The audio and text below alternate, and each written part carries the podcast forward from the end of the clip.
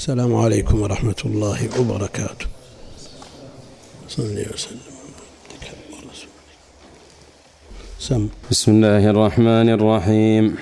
الحمد لله رب العالمين وصلى الله وسلم وبارك على نبينا محمد وعلى آله وصحبه أجمعين. اللهم اغفر لنا ولشيخنا وللمستمعين برحمتك يا أرحم الراحمين.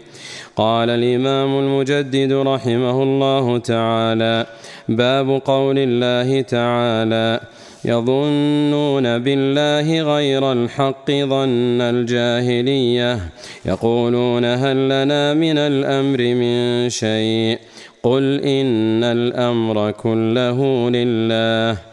الآية وقوله الظانين بالله ظن السوء عليهم دائرة السوء. الآية قال ابن القيم في الآية الأولى فسر هذا الظن بأنه سبحانه لا ينصر رسوله وأن أمره سيضمحل. وفسر بظنهم أن ما أصابهم لم يكن بقدر الله وحكمته. ففسر بإنكار الحكمة وإنكار القدر. وإنكار أن يتم أمر أن يتم أمر رسوله وأن يظهره الله على الدين كله. وهذا هو ظن السوء الذي ظنه المنافقون والمشركون في سورة الفتح. وإنما كان هذا ظن السوء لأنه ظن غير ما يليق به سبحانه وما يليق بحكمته وحمده ووعده الصادق. فمن ظن أنه يديل الباطل على الحق إدالة مستقرة يضمحل معها الحق أو أنكر أن يكون ما جرى بقضائه وقدره. أو أنكر أن يكون قدره لحكمة بالغة يستحق عليها الحمد بل زعم أن ذلك لمشيئة قدره أو أنكر أن يكون قدره. أو أو أنكر أن يكون قدره لحكمة بالغة يستحق عليها الحمد بل زعم أن ذلك لمشيئة مجردة فذلك ظن الذين كفروا فويل للذين كفروا من النار. وأكثر الناس يظنون بالله ظن السوء فيما يختص بهم وفيما, وفيما يفعله بغيرهم. ولا يسلم من ذلك إلا من عرف من عرف الله وأسماءه وصفاته وموجب حكمته وحمده. فليعتني اللبيب الناصح لنفسه بهذا وليتب إلى الله وليستغفره من ظنه بربه ظن السوء. ولو فتشت من فتشت لرأيت عنده تعنتا على القدر وملامة له وأنه كان ينبغي أن يكون كذا وكذا. فمستقل ومستكثر وفتش نفسك هل أنت سالم؟ فإن تنجو منها تنجو من ذي عظيمة وإلا فإني لا إخالك ناجيا. خالك وإلا فإني لا إخالك ناجيا. فيه مسائل. الأولى تفسير آية آل عمران. الثانية تفسير آية الفتح. الثالثة الإخبار بأن ذلك أنواع لا تحصر. الرابعة الرابعة أنه لا يسلم من ذلك إلا من عرف الأسماء والصفات وعرف نفسه. الحمد لله رب العالمين وصلى الله وسلم وبارك على عبده ورسوله نبينا محمد وعلى آله وأصحابه أجمعين. أما بعد فيقول المؤلف رحمه الله تعالى باب قول الله تعالى يظنون بالله غير الحق ظن الجاهلية. يقولون هل لنا من الأمر من شيء؟ قل إن الأمر كله لله. يظنون الظن ما يحتمل النقيض على سبيل الرجحان. ما لا يحتمل النقيض يسميه أهل العلم العلم هو الذي تكون نتيجته القطع بنسبة مئة بالمئة. هذا يسمونه علم. وما يحتمل النقيض وهو الاحتمال الراجح ونقيضه مرجوح هذا يقول هو الظن. والمرجوح هو الوهم. المرجوح هو الوهم والمساوي هو الشك. والمساوي هو الشك. هكذا قسم أهل العلم ما عنه الذكر الحكمي. إيش معنى هذا الكلام؟ ها؟ شو؟ العلماء هو حقيقة مطابق ويؤيده بعض النصوص وبعض السياقات في كلام أهل العلم. هذا ما يختلف فيها أحد. لكن كونه ملزم مئة بالمئة وتنطبق وتندرج فيه النصوص كلها لا. فالعلم كما هو مقتضى كلامهم أنه لا يطلق إلا على القطع ما لا يحتمل النقيض. يطلق أيضا على غلبة الظن. فالأحكام الشرعية مبناها في الغالب على غلبة الظن.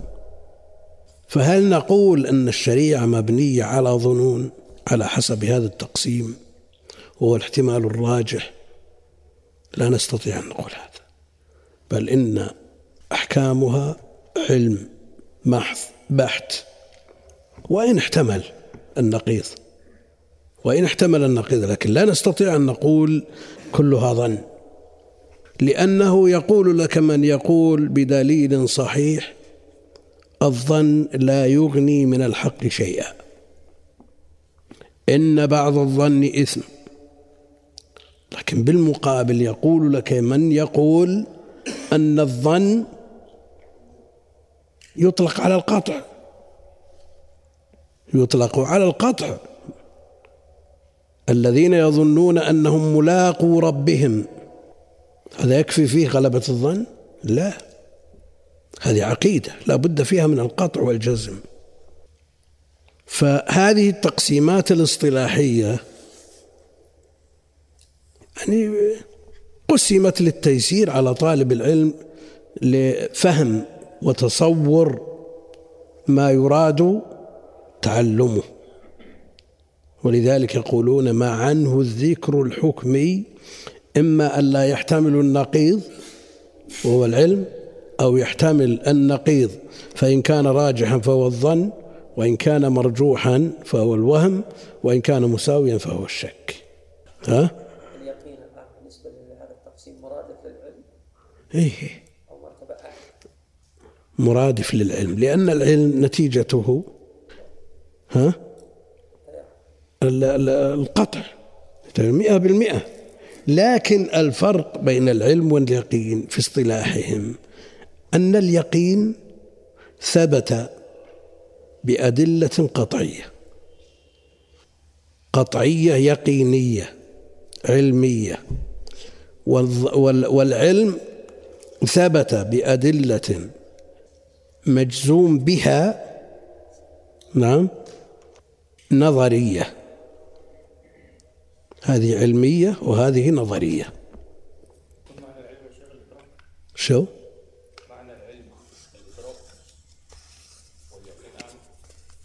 العلم في كلامهم ما لا يحتمل النقيض. العلم. في تقسيمهم ما لا يحتمل النقيض. يأتي من يقول هذه تقسيمات متكلمين تقسيمات أصوليين لكن يحتاجونها في تطبيقاتهم. في تطبيقاتهم.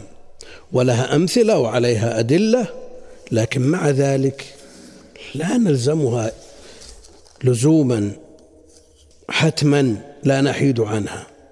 وإلا عندنا من العلم ما لا يغني من الحق شيئا. العلم الظن, الظن ما لا يغني من الحق شيئا. والظن أكذب الحديث. جاء في الحديث الصحيح. الظن أكذب الحديث.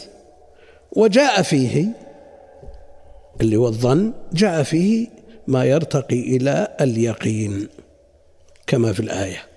فاللي بيناقش المسائل بطريقة النقض بينقذ كل شيء. واللي بيأخذ هذه على أنها أغلبية ويندرج فيها نصوص شرعية وتندرج تحت أقوال أهل العلم فيجد له ولا الذين يظنون أنهم ملاقوا ربهم. لو قال لك واحد أن الظن لا يغني من حق شيئا كيف يظنون أنهم ملاقوا ربهم؟ أول ما يرد عليه على نفسه. إن بعض الظن إثم. لو قال قائل أن بعض الظن ليس بإثم. إيش تقول؟ هو كلام صحيح البعض الثاني ليس بإثم لكن فيه معارضة ومعاندة للنص الإلهي. يقول لك الله جل وعلا إن بعض الظن إثم وأن تقول إن بعض الظن ليس بإثم. إيش معنى هذا؟ ولكن لك لو نظرت إلى أن الظن البعض الثاني هذا إثم وهذا ليس بإثم. لكن ما ينبغي أن يقال في مقابلة كلام الله جل وعلا. ها؟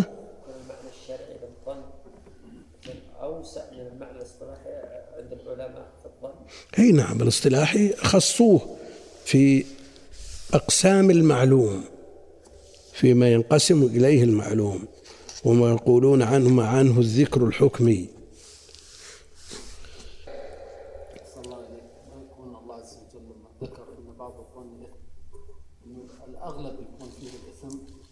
بعض إن بعض. بعض ما تعني أغلب. الله إليك لعل التقسيم باعتبار باعتبار المتعلم لا باعتبار العلم في ذاته. هو كلها من أجل أن يتعامل مع النصوص على ضوء ما تدل عليه هذه التقسيمات. لأنه الظن جاء في نصوص كثيرة. على سبيل المدح وجاء على سبيل الذم ووصل إلى درجة اليقين ونزل إلى أكذب الحديث. فهذه المسافة. نعم. كيف تتعامل مع النصوص وأن تعطيه آه، حد واحد؟ ما تستطيع أن تتعامل مع النصوص. إلا أنهم يعطون أغلبي وتقسيم نسبي بالنسبة إلى الأقسام الأخرى وإلا فالأصل كما قال الله جل وعلا الذين يظنون أنهم ملاقوا ربهم وفيه في قول النبي عليه الصلاة والسلام اكتب الحديث. الذين يظنون يظنون قول الله تعالى يظنون بالله غير الحق ظن الجاهلية. ظن الجاهلية. يندرج تحت أي الأقسام ظن الجاهلية؟ ولا وهم. أقل. أقل. هنا الظن بالله هنا في مقابل هنا إساءة الظن. ظن الجاهلية ظن السوء. كما في الآية اللاحقة. ظن الجاهلية هو ظن السوء وفي مقابله إحسان الظن بالله جل وعلا. المطلوب من كل مسلم ألا يموت إلا وهو يحسن الظن بربه. هذا في مقابل هذا. ها؟ يعني ما يكفي أنه لا يعرف الله جل وعلا. نعم؟ لا يعرفون ويصفونه بما ليس فيه في فيكون علم جهلهم هذا أو ظنهم الذي أداه إليه جهلهم كما قيل من باب الجهل المركب. لأنه لو قال لك وش رأيك؟ ما ظنك بالله؟ قال ما أدري. هذا أمور بسيط لكن إذا أبدى ظنا بالله لا يليق به كما هو ظن الجاهلية يقولون وهذا كلام المنافقين. في غزوة أحد في غزوة أحد رجع عبد الله بن أبي ثلث الجيش ومن بقي؟ أصابهم ما أصابهم؟ يعني من المسلمين قتل من قتل يقولون هل لنا من الأمر من شيء؟ ترى هذا الباب والذي يليه من أعقد الأبواب.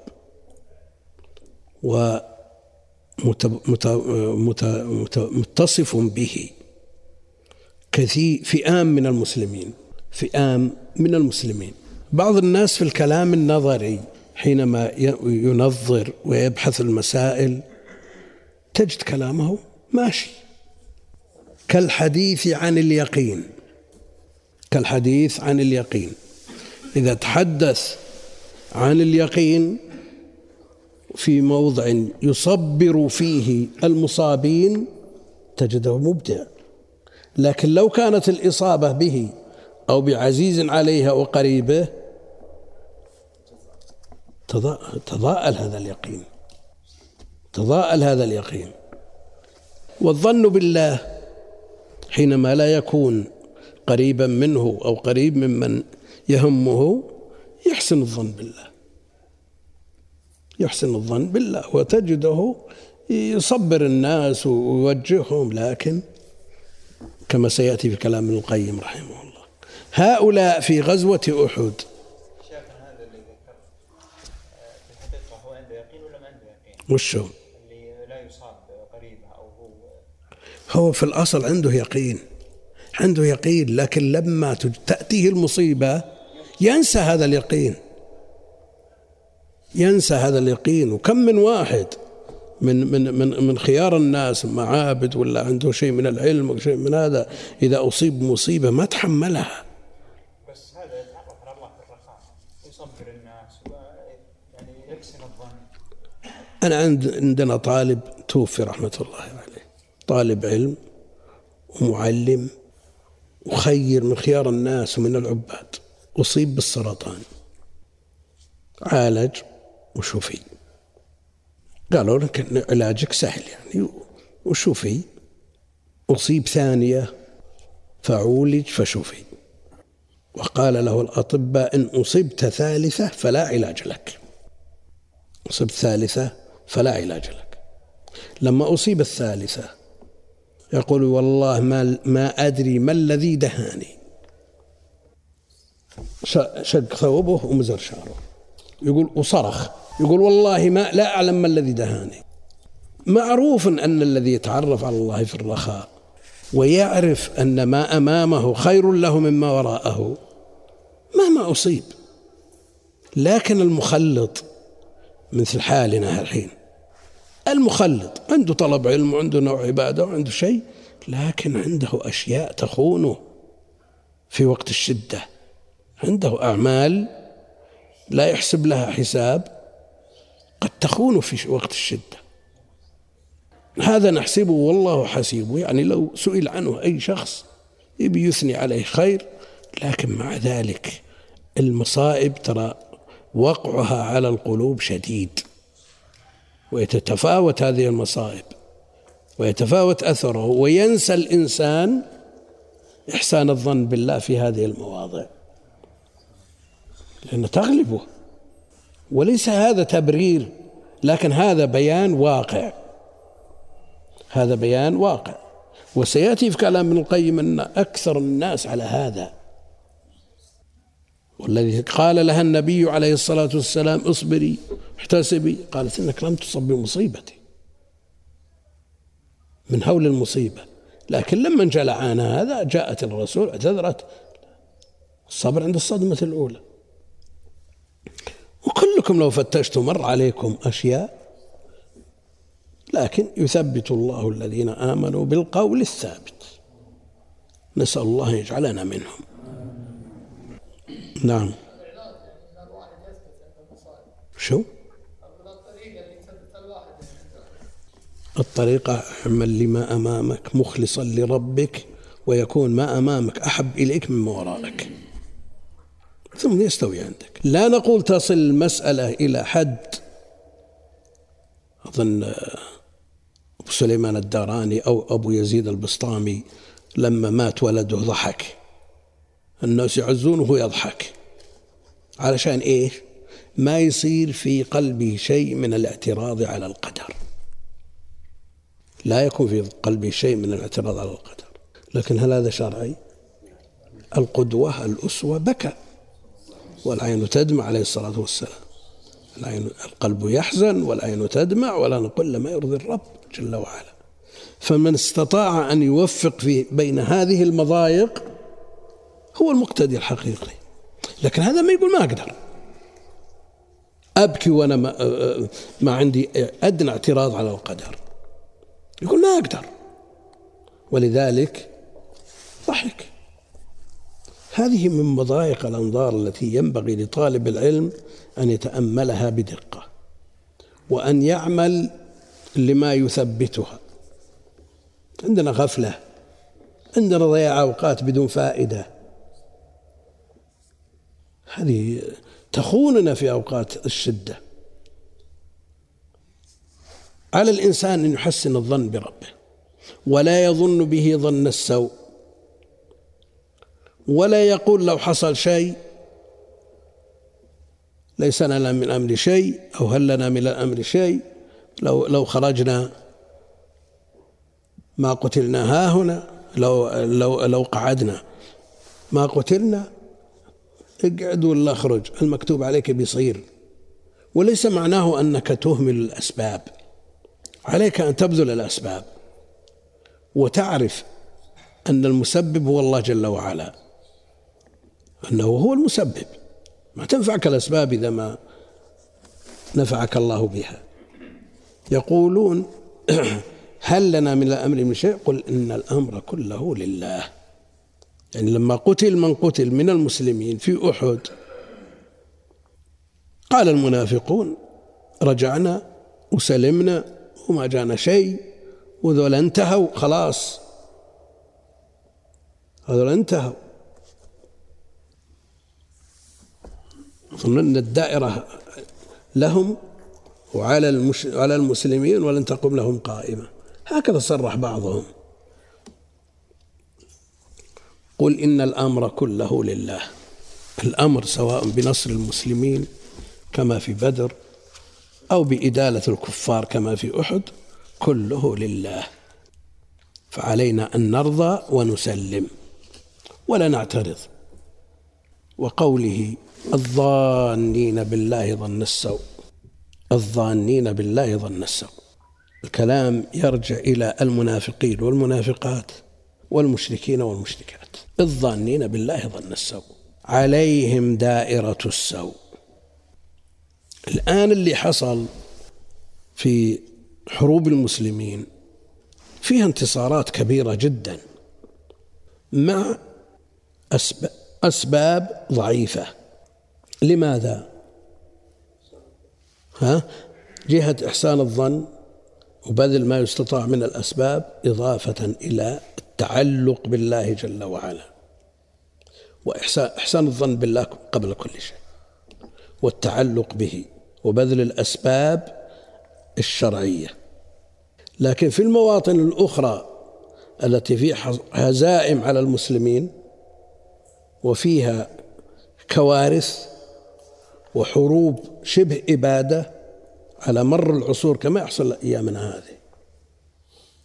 هل نحسن الظن في مثل هذه الصورة أو لا؟ نحسن الظن بالله جل وعلا. ونقول الحكمة الإلهية ظاهرة. قد يقول قد يقول القائل كما قيل قبل لو كانوا على حق ما ما نصل عليهم الكفار. خير أمة أخرجت للناس. يسلط عليهم كفار. نعم يسلط عليهم. والحكمة الإلهية ظاهرة. قد لا تظهر في الوقت نفسه. لكن نجزم بأن هناك حكمة إلهية وأن الله لا يظلم أحدا. أن الله لا يظلم مثقال ذرة. قبل عشرين سنة في حروب في بعض جهات المسلمين. ونحن نتألم ونتوجع وننتصر لإخواننا بما نستطيع. وقد قصرنا وخذلنا وهذا الحاصل. لا كيف تبينت الحكمة الإلهية من هذه الحروب؟ هذا البلد الذي حصل فيه الحرب وسلط فيه الكفار على المسلمين لتمحيصهم. واحد من الدعاة يقول ذهبت إليهم مع مع مجموعة من الدعاة. صلى صفينا نصلي. قاعدة يتفرجون علينا. ما يعرفون الصلاة. يتغامزون ويضحكون. والحريم الله المستعان وضع النساء. ومما ذكر هذا الداعية يقول رأيت شيخ كبير لحية طويلة وكرر لا إله إلا الله لا إله إلا الله لا إله إلا الله. يبيع سمك. يبيع سمك. وعنده مصحف جوامعي القطع الكبير. إذا باع سمكه شق ورقة ولفه وأعطاه الزبون. وش عندهم من الإسلام ذولا؟ عندهم لا إله إلا الله لكن بدون إيه. اللي يقول لا إله إلا الله الشايب ما ندري عن الباقيين بعد. وش النتيجة؟ سلط عليهم الكفار وقتلوا من قتلوا. وأفسدوا في أعراض المسلمين وعثوا فساد في البلد. لكن الآن راح شوف الحجاب وشوف الرجوع إلى الدين وشوف الأمر بالمعروف والنهي وشوف الدعوة والدعاة. تغيرت الأمور تغير جذري. حكمة ولا ما هي بحكمة؟ حكمة إلهية. أن الله يردهم. لأن القوارع اللي, اللي, اللي الصغيرة اللي ما تؤثر تأثير بالغ قد يكون مردودها غير بالغ. بخلاف القوارع الكبيرة التي تؤثر أثرا بالغا في الناس العام الماضي يستفتون الحلب في قتل بناتهم خشية أن يفجر بها الكفار. وصل الأمر إلى هذا الحد. لكن العاقبة للتقوى وللمتقين. وإن شاء الله تكون الدولة للإسلام والمسلمين ويرجع الكفار أذلة كما كما حصل لهم في آه، قرون ماضية. أقرأ آه، الحروب الصليبية ونتائجها ونقرأ ما حصل في الأندلس وما صار فيه. لكن كل هذا تمحيص من الله جل وعلا. لأن لأن المسلمين حادوا عن الجادة. وتعلقوا بغير الله. بل تنافس المسلمون لإرضاء الكفار على حساب إخوانهم. في مثل هؤلاء لا يحتاجون إلى خارع. لكن نسأل الله اللطف. أن الله يلطف بنا ويردنا إلى ردا جميلا قبل هذا كله. هذا بيتمنى أنه يجي قارعة لكن هذه سنن إلهية. لا تتغير ولا تتبدل ولا تتحول. فعلينا أن ننتبه لأنفسنا. عليهم دائرة السوء. ظنون بالله ظن السوء لكن عليهم الدائرة. يعني لو أديلوا في هذه المرة لحكمة إلهية من أجل أن يرجع المسلمون إلى دينهم فالدائرة على المشركين والمشركات وأيضا والمنافقين والمنافقات. تبقى الدولة قوة للمسلمين بالشرط. إن تنصروا الله ينصركم. بهذا الشرط. يقول ابن القيم رحمه الله في الآية الأولى آية آل عمران فسر هذا الظن يظنون بالله غير الحق ظن الجاهلية. يعني هؤلاء المنافقون يظنون بالله غير الحق. ظن الجاهلية يعني كظن الجاهل مثل ظن أهل الجاهلية. قال ابن القيم في الآية الأولى فسر هذا الظن بأنه سبحانه لا ينصر رسوله وأن أمره سيضمحل. وفسر بظنهم أن ما أصابهم لم يكن بقدر الله وحكمته. أن ما أصابهم لم يكن بقدر الله وحكمته. ففسر بإنكار الحكمة وفسر بإنكار القدر. هنا عندنا القدر وحكمة وتعليل.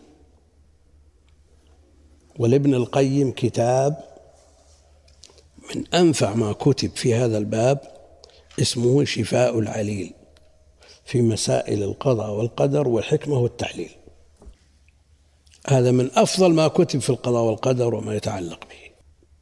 فسر بظنهم فسر هذا الظن بأنه سبحانه لا ينصر رسوله وأن أمره سيضمحل يعني وينتهي خلاص انتهى. ما في شيء من الإسلام انتهى مثل ما يقوله بعض الناس. كفار عندهم قوات ما عند ما لنا بها طاقة.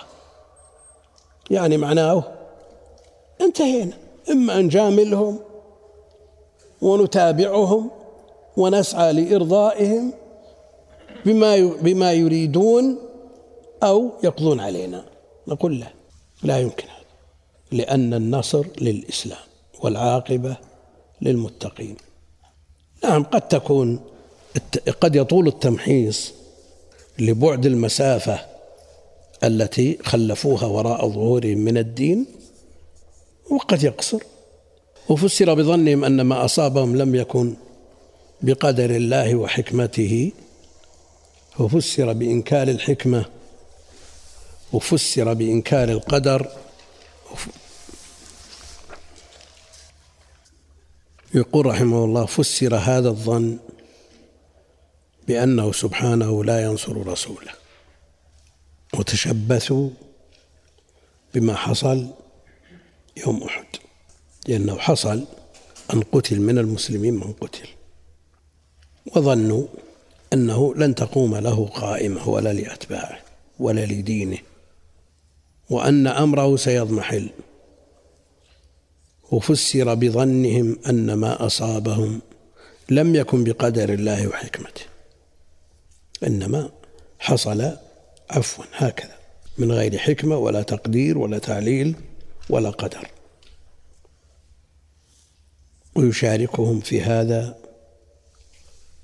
غلاة القدرية الذين لا يعترفون بالتقدير الإلهي وأن الأمر أنف كما جاء في الحديث الصحيح في صحيح مسلم من حديث ابن عمر.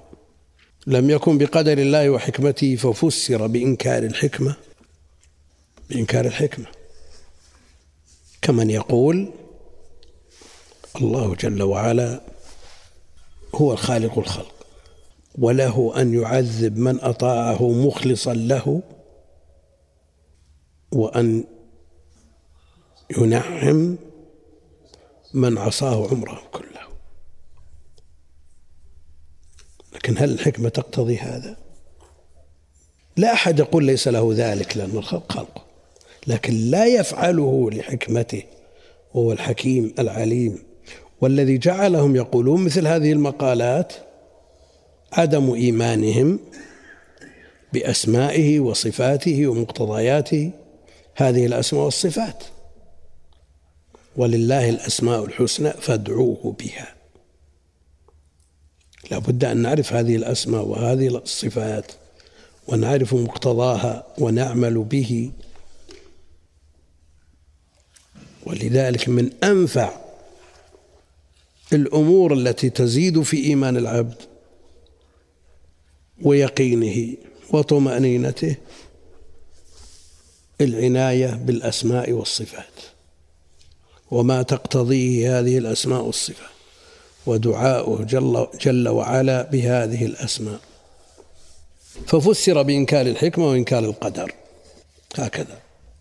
حصل من غير تقدير. مفاجأة.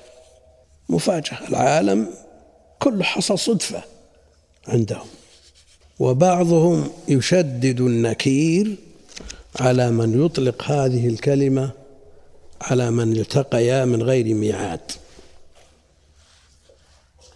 إذا قيل حضرت في هذا المكان فوجدت فلانا صدفة.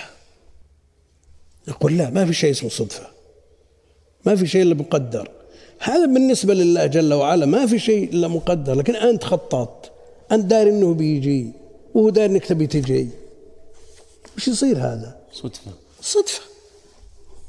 فيخلطون بين ما يتعلق بالخالق الذي لا تخفى عليه خافية ولا يحصل شيء بغير مراده وقدره.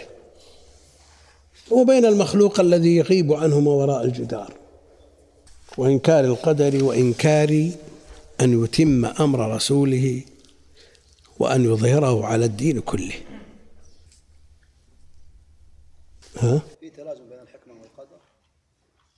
فأنكر القدر أو يثبت الحكمة لا لا. الحكمة شيء والقدر شيء.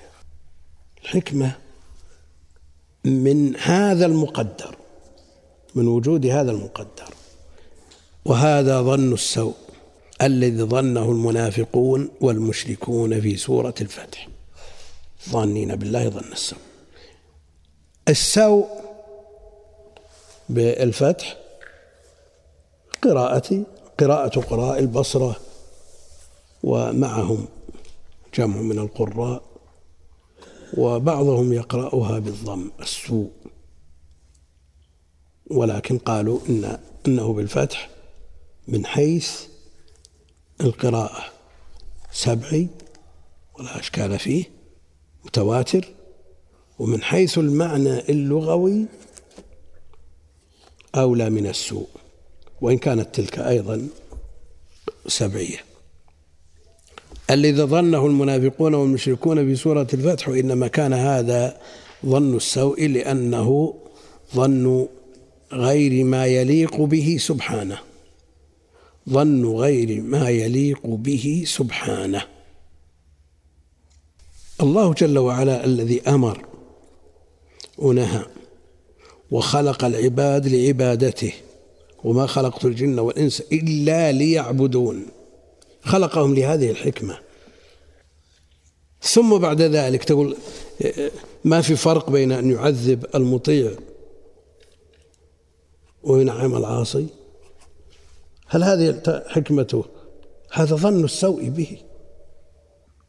هذا ظن السوء بالله جل وعلا. ولذا يقول وإنما كان هذا ظن السوء لأنه ظن غير ما يليق بالله سبحانه. لا يليق بالله جل وعلا وبحكمته وعدله أن يعذب من أطاعه عشرات السنين ولم يعصه طيل هذا الوقت. أو هذه المدة بعكس الذي فعل خلاف ذلك وينعم حكمته لا ت... حكمته تأبى هذا. حكمته تأبى هذا.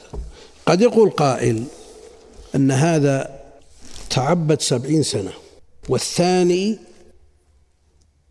عصى وفعل الكبائر والجرائم طيلة هذه المدة السبعين سنة.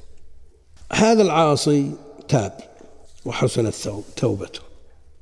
في قوله جل وعلا فأولئك يبدل الله سيئاتهم حسنات. هل منزلة الاثنين واحدة؟ نعم بمعنى أن سيئات حسنات المطيع مضاعفة الحسنة بعشر أمثالها وسيئات العاصي التي انقلبت حسنات غير مضاعفة. غير مضاعفة. هل نقول أن الحكمة الإلهية تقتضي هذا. البدل له حكم المبدل عند أهل العلم. البدل له حكم المبدل وحسنات المبدلة حكمها حكم أصلها التي السيئات فلا تتضاعف. هذا قول معروف عند أهل العلم. الشيخ الإسلام رحمة الله عليه يرى أنها ما يمنع ما في ما يمنع من مضاعفتها إلى عشر حسنات ويصير منزلتهما واحدة. لأن فضل الله واسع.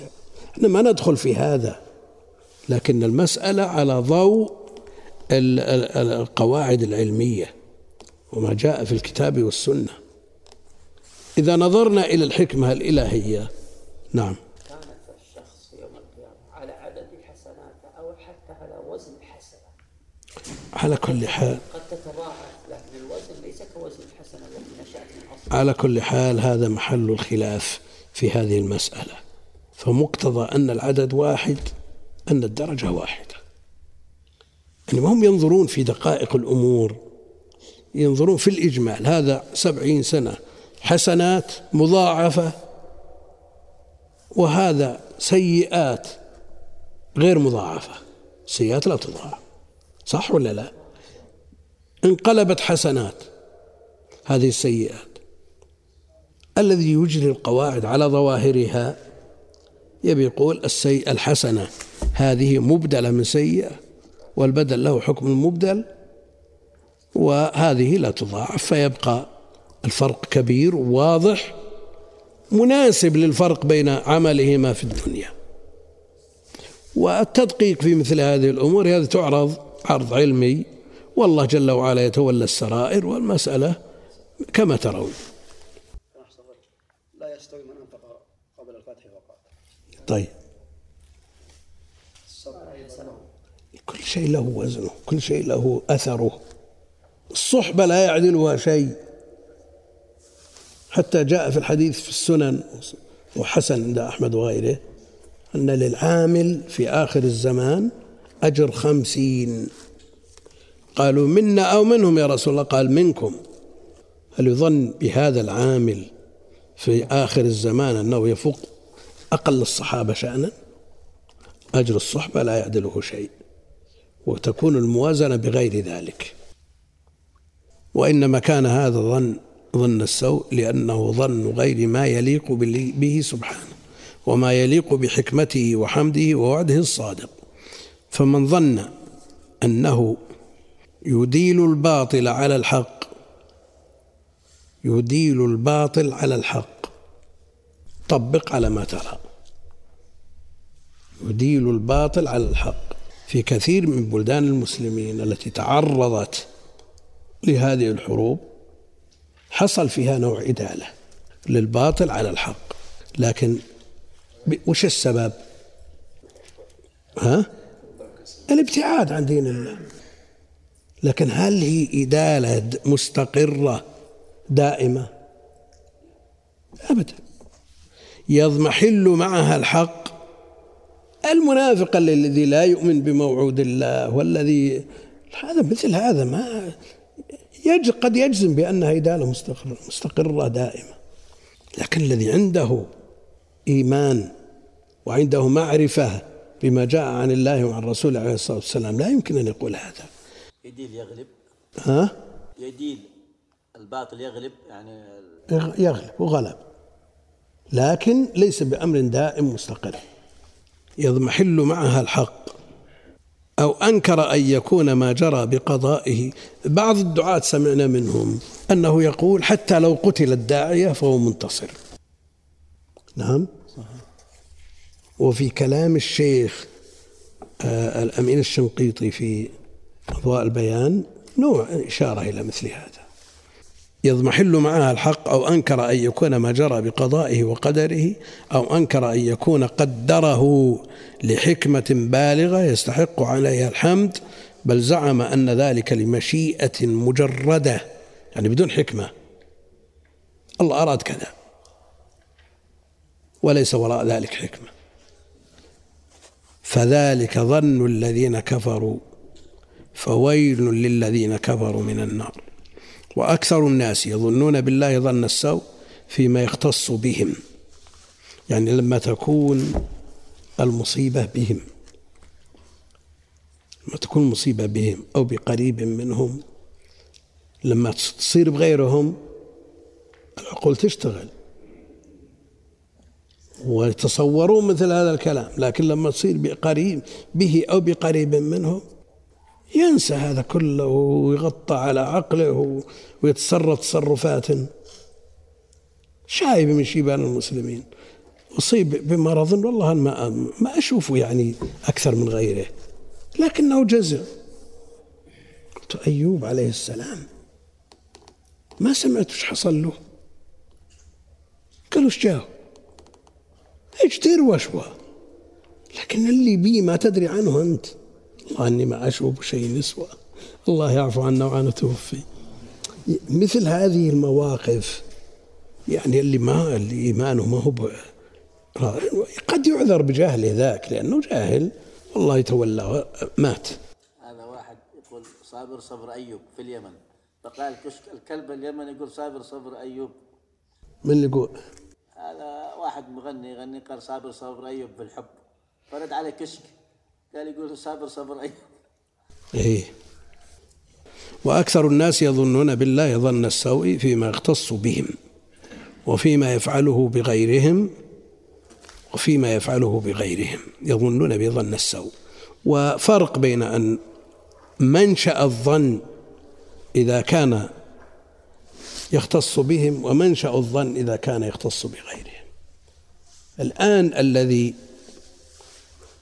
لا يسلم لقضاء الله وقدره فيما يخص نفسه. تجدهم زملاء وشهاداتهم واحدة ومؤهلاتهم واحدة وهذا يتيسر له وظيفة بالمرتبة الثامنة وهذا بالسادسة وذاك بالخامسة. على حسب المراتب. تجد الأقل يتذمر وأنه مظلوم. طيب من اللي ظلمك؟ إن كان بسبب مخلوق قدم هذا عليك أو بخسك حقك هذا يلقى جزاءه لكن المقدر هو الله جل وعلا. لا يتجه إليه لوم. هذا اللي كتب الله لك. على يد هذا الشخص. وهو آثم في ذلك. ولك أن تتظلم لولي الأمر أن هذا فعل. لكن قلبك بالنسبة لله جل وعلا الذي قدر لك هذا لا لا يعتريه أدنى ظن بالله جل وعلا. ولا يسلم من ذلك إلا من عرف الله وأسماءه وصفاته وموجب حكمته وحمده. لابد أن نتصور هذه الأمور لنسلم مما ذكر فليعتني اللبيب الناصح لنفسه بهذا وليتب إلى الله وليستغفره من ظنه بربه السوء. ولو فتشت من فتشت لرأيت عنده تعنتا على القدر. الإنسان قد لا يصرح بما في نفسه. لكن لو فتشت وجدت تعنت على القدر ليش يعطى هذا وليش ما أعطى أنا؟ ليش قدم هذا وليش أخر أنا؟ وملامة له وأنه كان ينبغي أن يكون كذا وكذا ينبغي أن أكون أنا أقدم عليه. لماذا؟ لأن تقديري أكثر من تقديره ونسبتي أكثر من نسبته. وأنه كان ينبغي أن يكون كذا وكذا فهو مستقل ومستكثر. وفتش نفسك. لا بد أن تفتش نفسك. هل عندك شيء من هذا؟ هل أنت سالم؟ يقول فإن تنجو منها تنجو من ذي عظيمة وإلا فإني لا إخالك ناجيا. إن, إن, إن نجوت مما ذكر في هذا الباب ومما سيأتي في باب القدر. فإنك تنجو من ذي عظيمة وإلا فإني لا إخالك. يعني لا أظنك ناجيا. يقول فيه مسائل الأولى تفسير آية آل عمران قد تقدم. الثانية تفسير آية الفتح كذلك. الثالثة الإخبار بأن ذلك أنواع لا تنحصر. ذكرها ابن القيم رحمه الله في كلامه وكلامه أطول من هذا في زاد المعاد في الحكم والفوائد المستنبطة من غزوة أحد.